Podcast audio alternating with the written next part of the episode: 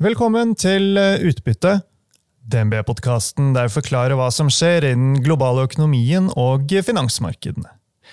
Jeg er Marius Brun Haugen, og i denne episoden skal det handle om små og mellomstore nordiske aksjer, eller small cap, som vi sier på godt eh, norsk. Historisk har vi funnet svært så attraktive investeringsmuligheter blant selskapene i denne delen av eh, aksjemarkedet. Så hvordan ser veien videre ut for nordisk small cap? Og hvilke selskap har best forutsetninger for å klare seg i det markedet vi nå befinner oss i? Tirsdag 16. mai hadde jeg Hans Marius Lie Ludvigsen, som forvalter fondet DNB Nordic Small Cap, og aksjestrateg Paul Harper fra DNB Markets innom i studio for et direktesendt webinar om nettopp dette. Han Marius forklarer bl.a. hvorfor han liker den svenske gamingsektoren, mens Paul forklarer hvorfor shipping skriner bra på hans parametere for øyeblikket. Og Opptaket fra seansen det skal dere få høre nå. God lytt, og takk for at du hører på Utbytte.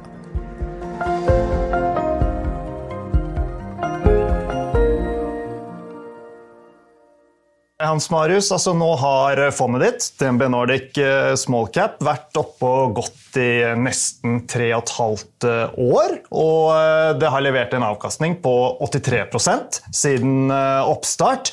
Og det er jo veldig bra. Men det har vært noen volatile år også, så hvordan vil du oppsummere, oppsummere perioden? Det har vært i summen en god, god, start. Og som du sier, så har vi vært oppe og løpt i, i drøye tre år nå. Eh, men det har jo vært tre veldig forskjellige år. Altså vi, vi sjøsatte jo den skuta her rett inn i en pandemi hvor det så ut som eh, egentlig hele verden skulle gå under. Og, og, og, det så ut som ganske, eller en god stund, eh, men så gikk vi jo ikke under. Og 2020 ble jo et, et veldig godt børsår til slutt. Og spesielt kanskje i liksom det segmentet liksom small cap-aksjer som vi opererer i. 2021 ble jo også et veldig godt år. Om ikke like bra som 2020, så ble det på en måte en delvis forlengelse av det. Absolutt. Eh, og så gikk vi ordentlig på trynet i markedet i 2022 igjen, hvor, hvor, vi måtte gi tilbake mye av det vi hadde tjent eh, i hvert fall gjennom 2021, og også delvis gjennom 2020. Eh, da man på en måte kom, kom, ut av pandemien og fikk høyere renter og høyere inflasjon. Og, og det gikk jo spesielt hardt utover disse small cap-aksjene igjen. Og, og både, både, det universet og fondet mitt fikk, fikk kjenne på det. Og så har kanskje i år vært eh, hakket bedre igjen, men ikke noe sånn voldsom fest. Selv om børsen har starta konstruktivt, så er det jo primært de store selskapene som har drevet eh, avkastningen hittil i år. Da. Ja. Men i uh, sum, altså. Uh, opp over 80 siden uh, oppstart. Det er bra. og Tidligere i år så ble du også belønnet med fem stjerner til fondet i Morningstar-ratingen. Det er ikke alle forunt, så gratulerer så mye. Hvem skulle trodd det? Ja, tusen takk. Ja, men det er jo gøy. Det er gøy. Ja, det er absolutt. Men det gøyeste er jo å prøve å beholde dem. Selvfølgelig. Ja, selvfølgelig. selvfølgelig. Så det er jo spørsmålet, da. Hvordan ser markedet ut nå, sånn eh, du vurderer det? Eh, er det mer å gå på videre etter at det har startet greit? Ja, jeg er jo stort sett alltid positiv til markedet. Ja, Det er klart, det må det være. Det, det må man jo, er man jo programforpliktet til å være. Men, men, som jeg sa, så er det jo de store selskapene som har drevet veldig mye av avkastningen eh, hittil i år. Og jeg tror jo at hvis dette er et marked som, som skal holde seg, spesielt i kjølvannet av et så svakt fjorår, så, så er jo jeg positiv på vegne av disse mindre selskapene om at de eh, etter hvert kan ta igjen det tapte eh, og, og, og, outperforme disse større selskapene. Eh, og I så fall så er jo jeg positivt innstilt til både, både Norden og, og fondet, fondet, mitt. Og det, det, man også ser, er at selskapene har levert across the board ganske gode førstekvartalsrapporter som, som tyder på at ting går fortsatt veldig bra. Mm. Mm. Er det noen sånn spesifikke industrier eller eh, sektorer som skiller seg ut i eh, positiv favør hos deg? Altså Der vi er, begynner å bli, eller er positive nå, det er jo en del av disse industriene som hadde en voldsom etterspørselsvekst under pandemien. Eksempler på det er f.eks. videospill eller mobilspill og en del produkter innenfor det å ha kjæledyr, som så en sånn voldsom boom under pandemien. Og aksjekursen gikk jo banana, så man begynte å ekstrapolere denne etterspørselsveksten. Og Så kom man jo ut av pandemien og måtte begynne å, å legge liksom eh, vekstbanene tilbake på, til mer normale nivåer. og Aksjekursene fulgte med ned, og kanskje vel så det. Eh, men, men, det man begynner å se i en del av disse segmentene nå, er at man er tilbake på mer, den mer sekulære veksttrenden som man var på før covid. Og da tror vi disse aksjene har liksom overreagert på undersiden og, og er altfor billige i dag. Så, så, vi har jo store posisjoner innen, innen, gaming, eh, både videospill og mobilspill, og har også begynt å kjøpe oss opp i en del av disse mer kjæledyrrelaterte eh, selskapene, for å, ta, for å ta, noen eksempler. Mm. Hva er de tre største posisjonene til, eh, til fondet per nå? De tre største posisjonene nå er Embracer, som driver med videospill. Som for øvrig får seg en, en kraftig på trynet i dag. Og så er det Stillfront, som driver med mobilspill. Og så er det Humble Group, som driver med egentlig økologiske og, og sunne konsumvarer. Mm. All right. Og så vet vi jo eh, alle liksom hvordan markedet har eh, vært i år. og Er det noe Pål og jeg har snakket om, så er det liksom eh, Blir det resesjon, eller blir det ikke resesjon? Og blir det resesjon, blir det en hard landing, eller blir det en myk landing for økonomien osv.? Hva tenker du om small cap hvis vi kommer inn i en betydelig mer ruglete periode på børsen enn det vi har hatt hittil i år? Det er et godt spørsmål. Også for det første er jeg veldig sikker på at Paul er mye flinkere enn meg til å spå om det blir en resesjon, og eventuelt hvor, hvor hard den blir. Men, men, det man i alle fall vet av disse small caps, spesielt i Norden, det er jo at man historisk har sett at de egentlig er vel så flinke, og kanskje flinkere enn de store selskapene til å beskytte inntjeningen i, i nedgangstider. Eh, dette er jo ofte selskaper som, eh, som har måte, veldig sterke posisjoner innenfor Eh, ganske unike nisjer. Så, så, selve det operasjonelle er jeg ikke så bekymret for, selv om det selvfølgelig er risiko knyttet til det å være et lite selskap når ting blir ruglete. Mm. Men så vet man jo at smallcaps, altså aksjekursene reagerer jo ofte mer negativt når ting blir surt på børsen. Sånn var det oppskriftsmessig under covid, sånn var det i 2022. Sånn vil det sikkert bli hvis vi skal mye ned eh, denne gangen òg. Eh, men så reagerer de jo ofte sterkere og raskere opp igjen etterpå. Så det er veldig dyrt å, å på sitte, på, sitte, på, sidelinjen unødvendig og misse et av disse dragene opp. Eh, og så tror jeg det er viktig å huske på at vi har 2000 selskaper å velge blant i dette small cap-spacet. Så vi, vi, finner alltid eksponering som er mindre utsatt for nedgangstider, hvis det skulle bli nødvendig. Mm. Pål, noen sånne innledende tanker om uh, nordisk small cap generelt, sånn fra, fra ditt uh, perspektiv? Ja, altså et uh, interessant poeng er når du ser på large cap-aksjene i Norden. Hvis du ser bort fra helse, så er veldig mye av de største selskapene ganske syklisk. Altså mye industri i Sverige f.eks. har råvarer i, i Norge, Liksom blanding av råvarer og industri i Finland. Så Sånn sett så er det en del av de type small cap-aksjene, hvis de er liksom litt mer i det vekstsegmentet, så er ikke det nødvendigvis like påvirket av økonomien som mange av de sånn, tungvekterne som du har uh, i Norden. Så Det synes jeg er liksom et viktig punkt å få frem. at sånn Small cap det, det er litt mer volatilt når det er uh, vanskelig, men det, det er som mulig da å finne segmenter innenfor small cap som ikke nødvendigvis er like utsatt eh, for en tung økonomi som, som andre sektorer. Og så er det også sånn at si, Størrelsen på selskapet er jo en eh, faktor, men styrken i balansen er gjerne en viktig faktor hvis det er tungt. Så det, det, det er liksom viktigere da å gjøre en sånn bottom up-analyse som plukker frem hvilke selskaper er det som tåler en periode kanskje uten tilgang til finansiering, f.eks. At de klarer å jobbe seg gjennom en litt eh, tyngre periode med det de har på balanse allerede. Og helst da har eh, kanskje positiv kontantstrøm som gjør det mye lettere å overleve i en eh, litt tyngre periode. Så da får man liksom litt bedre betalt for å gjøre den bottom up-jobben og prøve å finne de enkeltselskapene som da klarer å stå imot i en litt tyngre makrobakteppe. Mm. Så uh, sterk balanse er vel for så vidt alltid bra, da, men klart ekstra viktig i en ruglete periode. Ja, Det er nettopp det. Det er jo alltid bra sånn generelt sett, men når du er på vei opp igjen, så er de selskapene som går best, de som nesten gikk konk på, på, vei ned. Så Det er det det er, det er veldig viktig å ha sterk balanse når du er sånn på vei inn i en tyngre periode. Når du er på vei ut igjen, så er det mye mindre viktig å følge med på balansen. Så det er liksom hvor mye tid du skal bruke på det, er egentlig avhengig av hvor du er i syklusen. Mm. Ok. Du nevnte at rapporteringssesongen har vært uh, grei, Hans Marius. Uh, du skal utbrodere litt mer. Hva er det liksom som du har bitt deg merke i som, eh, som, ja, som, som, er verdt å ta med seg der videre? Jeg har i hvert fall bitt meg merke i at de fleste selskapene rapporterer at det går eh, fortsatt ganske bra. Og, de, som, de, som, sier noe om andre kvartal og det de har i på en måte pipeline eller ordrebøkene, er fortsatt ganske, ganske oppløftende å se. Så, så den eventuelle resesjonen er det i hvert fall foreløpig ganske mange selskaper som ikke ser noe, ser noe tegn til. Mm. Eh, og så er det jo selvfølgelig alltid usikkerhet rundt eh, hvor mye transparens det egentlig er i disse ordrebøkene. Men, men i sum så syns jeg det har vært Eh, vært en god rapporteringssesong. I tillegg til, som, som vi nevnte innledningsvis, at det er tegn til at disse, en del av disse undersegmentene i markedet som, som hadde denne boomen under covid, eh, og som har hatt dette etterspørselsfallet i kjølvannet av covid, eh, begynner å finne feste igjen og kanskje er tilbake på en mer trendvekst, som jeg også tror markedet har vært litt interessert i å se når disse skulle bunne ut. Mm. Har du sett noen eh, andre utslag på small cap-aksjene versus de store i rapporteringssesongen? Paul? Jeg har ikke lagt merke til noe sånn veldig systematisk eh, rundt det, men det har vært egentlig bedre enn ventet eh, rapporteringssesong. Det tror jeg de, de fleste er nok ganske enig i.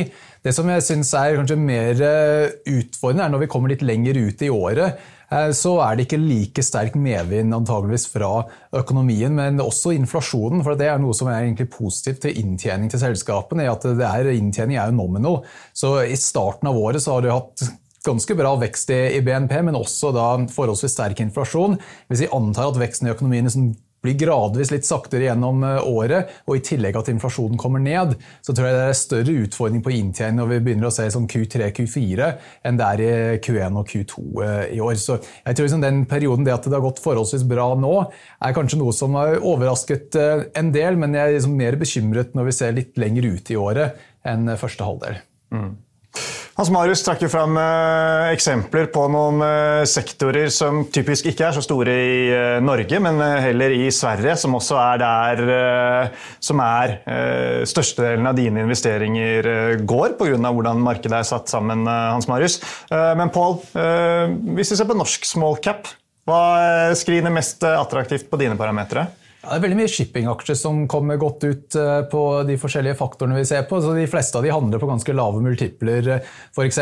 Det er nok delvis fordi at de er i en periode nå hvor det er litt sånn type superprofit, så det er ikke noe man kan anta varer i evig tid. Um, og så er det jo noe som er litt uvanlig i shipping, at i gode tider så pleier de gjerne å bestille massevis av nye båter. Så da idet etterspørselen begynner å dabbe av, så får du plutselig massevis av ny kapasitet. det er jo det som ser ut til kanskje å være litt annerledes denne gangen? Det. det er nettopp det at det har vært forholdsvis forsiktig eh, bestilling så langt. Det er noen unntak i enkelte segmenter, men eh, det har ikke vært sånn den bølgen av nye bestillinger som det ofte pleier å være i shipping. Så det burde i hvert fall gi mulighet til at eh, det kan vare litt lenger enn det pleier. Så på prising så ser det attraktivt ut. Du får direkteavkastning i mange tilfeller som er godt over 10 og så har jo veldig mange av de hatt en sånn ganske sånn positiv utvikling i inntjening. At selskapene har levert bedre enn en ventet, og at det da har liksom en stigende inntjeningsforventning i tillegg til eh, lav prising. og Det er liksom blant de tingene som gjerne fungerer best eh, når du klarer å finne kombinasjonen av de faktorene. Mm, mm. Ja, Det er mye shipping og energi blant smallcapene i Norge. Hans Marius. Blir det for uh, syklisk for, uh, for deg? Nei, altså vi har, vi har, en liten andel eh, både energi- og shippingaksjer i, i fondet. Men det er klart, eh, når du har Norden som nedslagsfelt, så, så utgjør shipping og energi kanskje 4-5% av aksjeuniverset ditt. Ja. Uh, og det er definitivt ikke mitt kjernekompetanseområde. Så det er veldig sjelden det utgjør noe mer av fondet. I hvert fall. Så det betyr noe, men ikke så veldig mye. Ja. Men som du sa, uh, du har investert i gaming. Altså, hvorfor er gaming en, eh, en bransje og sektor i, i vekst? Det er, det er, nok fordi altså For det første så blir det jo flere og flere mennesker globalt som har muligheten til å game. Og, og det begynner jo også å bli litt mer stuereint å på en måte ha gaming som en hobby. Eller noen har det jo til og med som, som jobb. Eh, man har jo sett det vokse frem, liksom, både, både, det å streame og det å konkurrere hardere i, i gaming. Så det er jo en, hel, en hel sånn infrastruktur som, som, vokser, eh, som, vokser, frem.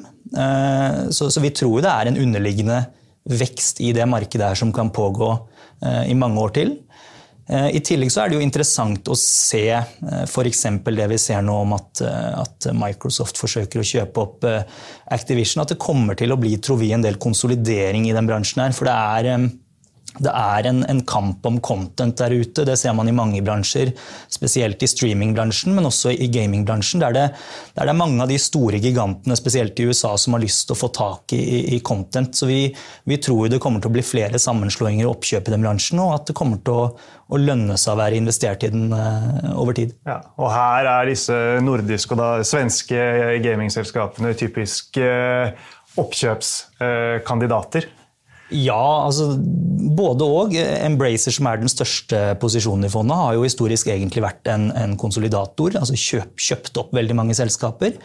Eh, og det har for så vidt Stillfront òg, men dette har vært mindre oppkjøp. Eh, skal man se noen sånn voldsomt stor eh, bransjesammenslåing hvor disse selskapene er, in, er, involvert, så tror vi vel heller de vil bli kjøpt opp enn å kjøpe opp noen store. Ja. Men det er klart det er flere måter det kan, kan, skje på. Det må ikke skje gjennom et oppkjøp. I Embracer venter vi jo f.eks. på flere sånne partnerskapsdealer, der hvor du kanskje selger unna en del av katalogen din med spill til en av disse store tech-gigantene, eller du kan ta på deg en rolle som utvikler av en del spill som skal utgis over de neste x antall årene. Så, så det er flere eh, måter å samarbeide på i det, i det spacet der. Mm. Embracer eh, annonserte vel i går var det vel, at de uh, teamer opp med Amazon for å utvikle et game basert på Ringenes herre-universet.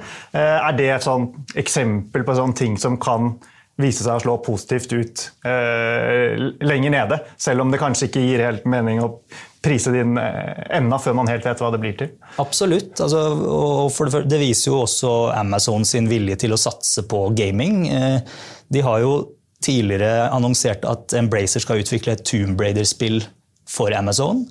Eh, og det naturlige å tro er jo da at Amazon kanskje vil utvikle en ny film eller en TV-serie basert på Tomb Raider-IP-en. Eh, og I går annonserte de da at de skal lage et, et stort eh, Ringenes herre multiplayer online-spill. Eh, som, som, sikkert kommer en tre-fire-fem år opp i løypa. Men det, det er jo et, et, stort spill, og et spill i en vektklasse som, som, Embracer i utgangspunktet aldri har vært i stand til å konkurrere i tidligere. Så det er, det er veldig fint å se at de kan være med og, og, og delta i den type, part, type partnerskap-deals som vi tror det kommer flere av. Eh, men klart akkurat i dag så drukner jo den nyheten litt i, i en relativt stor profit warning fra samme selskap. Så. Ja, eh, Leverte og ja, guide på svakere tall enn en det man har eh, ventet. Eh, hva er det selskapet må eh, bevise for å få eh, hva skal vi si, tilliten tilbake blant investorene? Det er ganske mye akkurat nå, men, men, det de først og fremst må bevise, er at de, de gjør som de har lovet. Nå har de sagt de skal underskrive en en stor sånn partnerskapsavtale, sånn som eh, den Ringenes herre-dealen i går. Eh, men, eh, men, ganske mange ganger større enn den, innen utgangen av juni. Det må de levere på. Og så må de rett og slett vise at de kan holde det de lover når det kommer til inntjeningsguidance. For nå har de mistet et par ganger på rad. De har laget et par spill som har gått mye dårligere enn de så for seg. Så sånn sett så har man jo vært i stand til å se denne delvis komme. Eh, de siste spillslippene nå har vært bedre, og det er ganske mange oppløftende nyheter om, om spill som folk gleder seg til kommer. Så, så hvis, de, hvis, de, leverer, så, så, tror jeg man tar et steg eh, opp på den tillitskurven igjen. Og, og da tror jeg aksjen er eh, altfor alt for billig der den er nå. Men, men, du har et tillitsproblem når du, når du misser en, en, del ganger på rad. Mm. Embracer er den ene aksjen du trakk fram. En annen stor posisjon i fondet er Stillfront, en annen gamingaksje. Hva er forskjellen på disse to? Sånn i eksponeringen man får? Stillfront er eh, kun inn mot mobilspill, egentlig. De har litt eh, browserspill på PC òg, men det er primært et mobilspillselskap. Mens Embracer i hovedsak er et PC- og konsollspillselskap, mm. Eh, som også har innslag av mobilspill og, og brettspill også. Men, men Stillfront er et litt lettere dyr å forholde seg til. Det er, det er mobilspill. Og Hva er det som på en måte tilsier bedre markeder for uh, Stillfront? Uh, altså, hva er, og hva er, måte, hva er, det selskapet gjør eller skal gjøre for å klare å uh, vise til vekst, da, som man vel går og, og venter på? særlig den organiske veksten, da, hvis jeg har forstått det riktig? Det er helt riktig. Så, så Stillfront er et veldig godt eksempel på et sånt selskap som så en vanvittig etterspørselsboom under covid. Og de, de gjorde en del oppkjøp og, og, gjorde sikkert sine interne prioriteringer. Og baserte seg på at den, det oppsvinget i etterspørsel kunne vare en stund.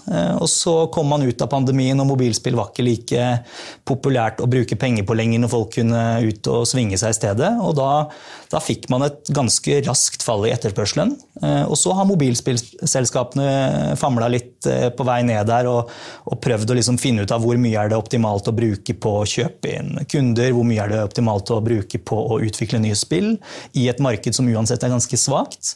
Eh, det man ser nå er jo at Markedet begynner å finne fest igjen. Ikke noe sånn supersprekt, men nå begynner man å få såpass svake sammenlignbare tall at man kanskje er tilbake på en vekst i løpet av Q2 Q3.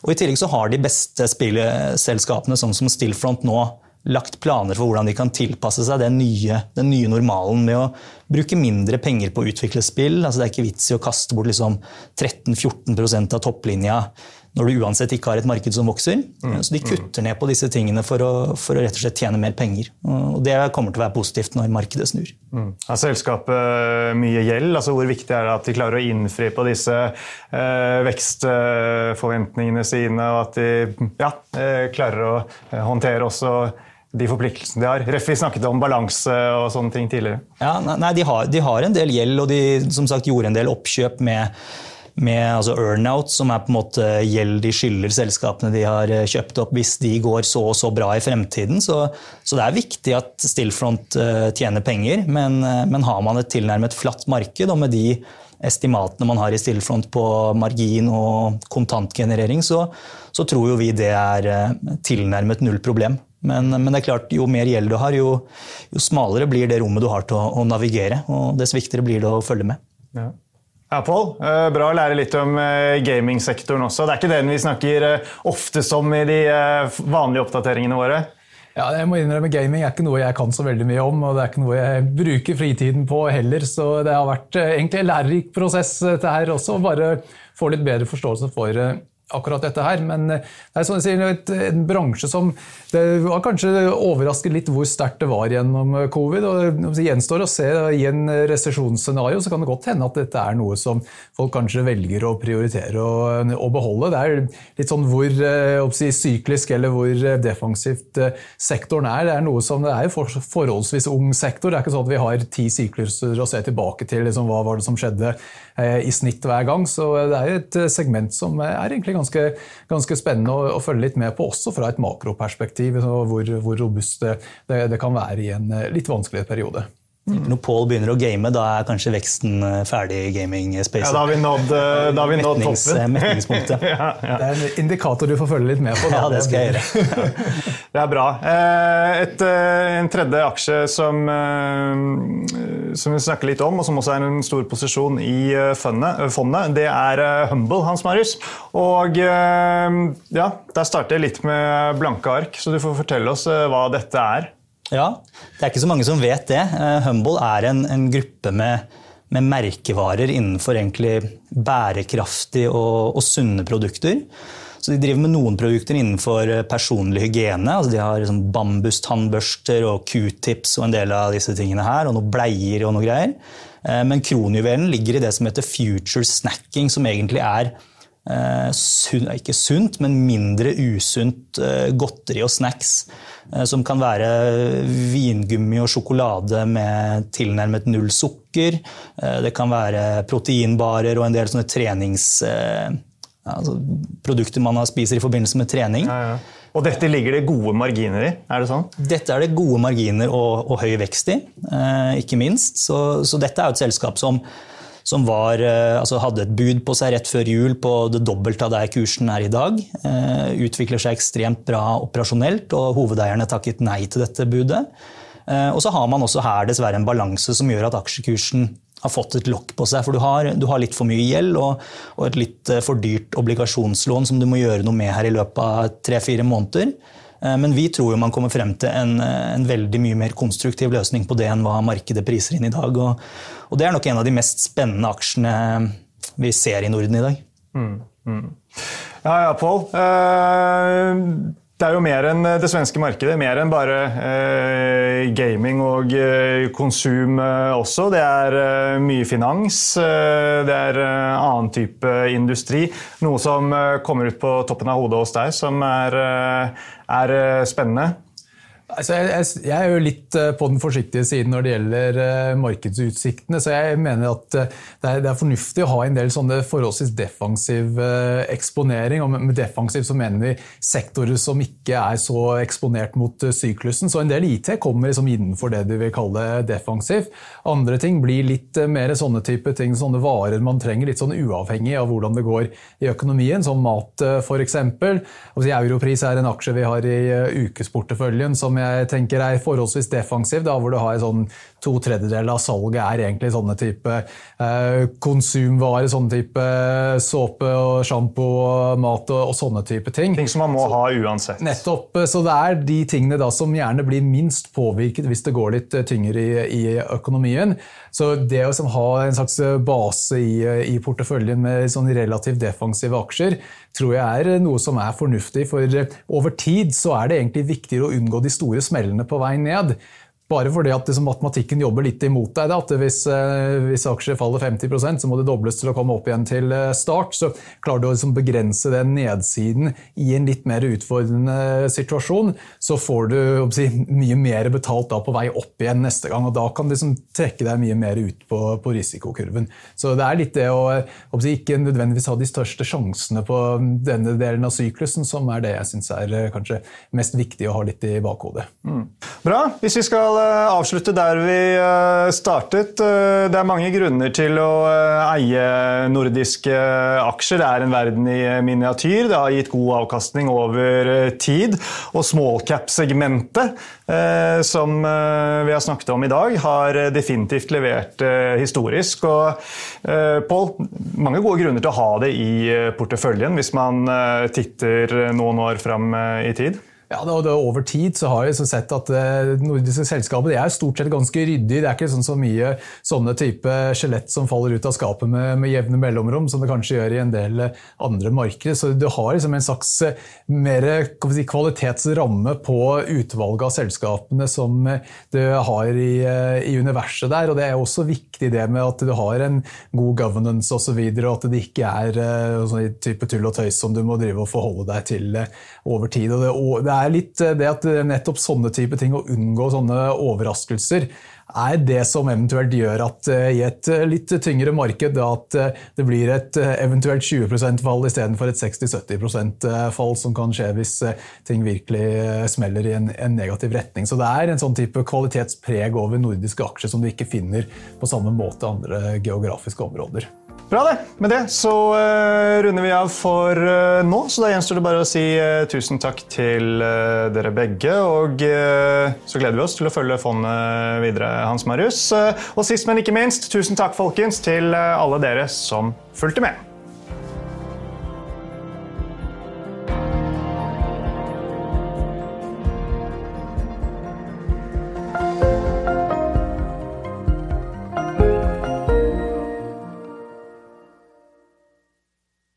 Denne sendingen ble publisert i podkasten Utbytte.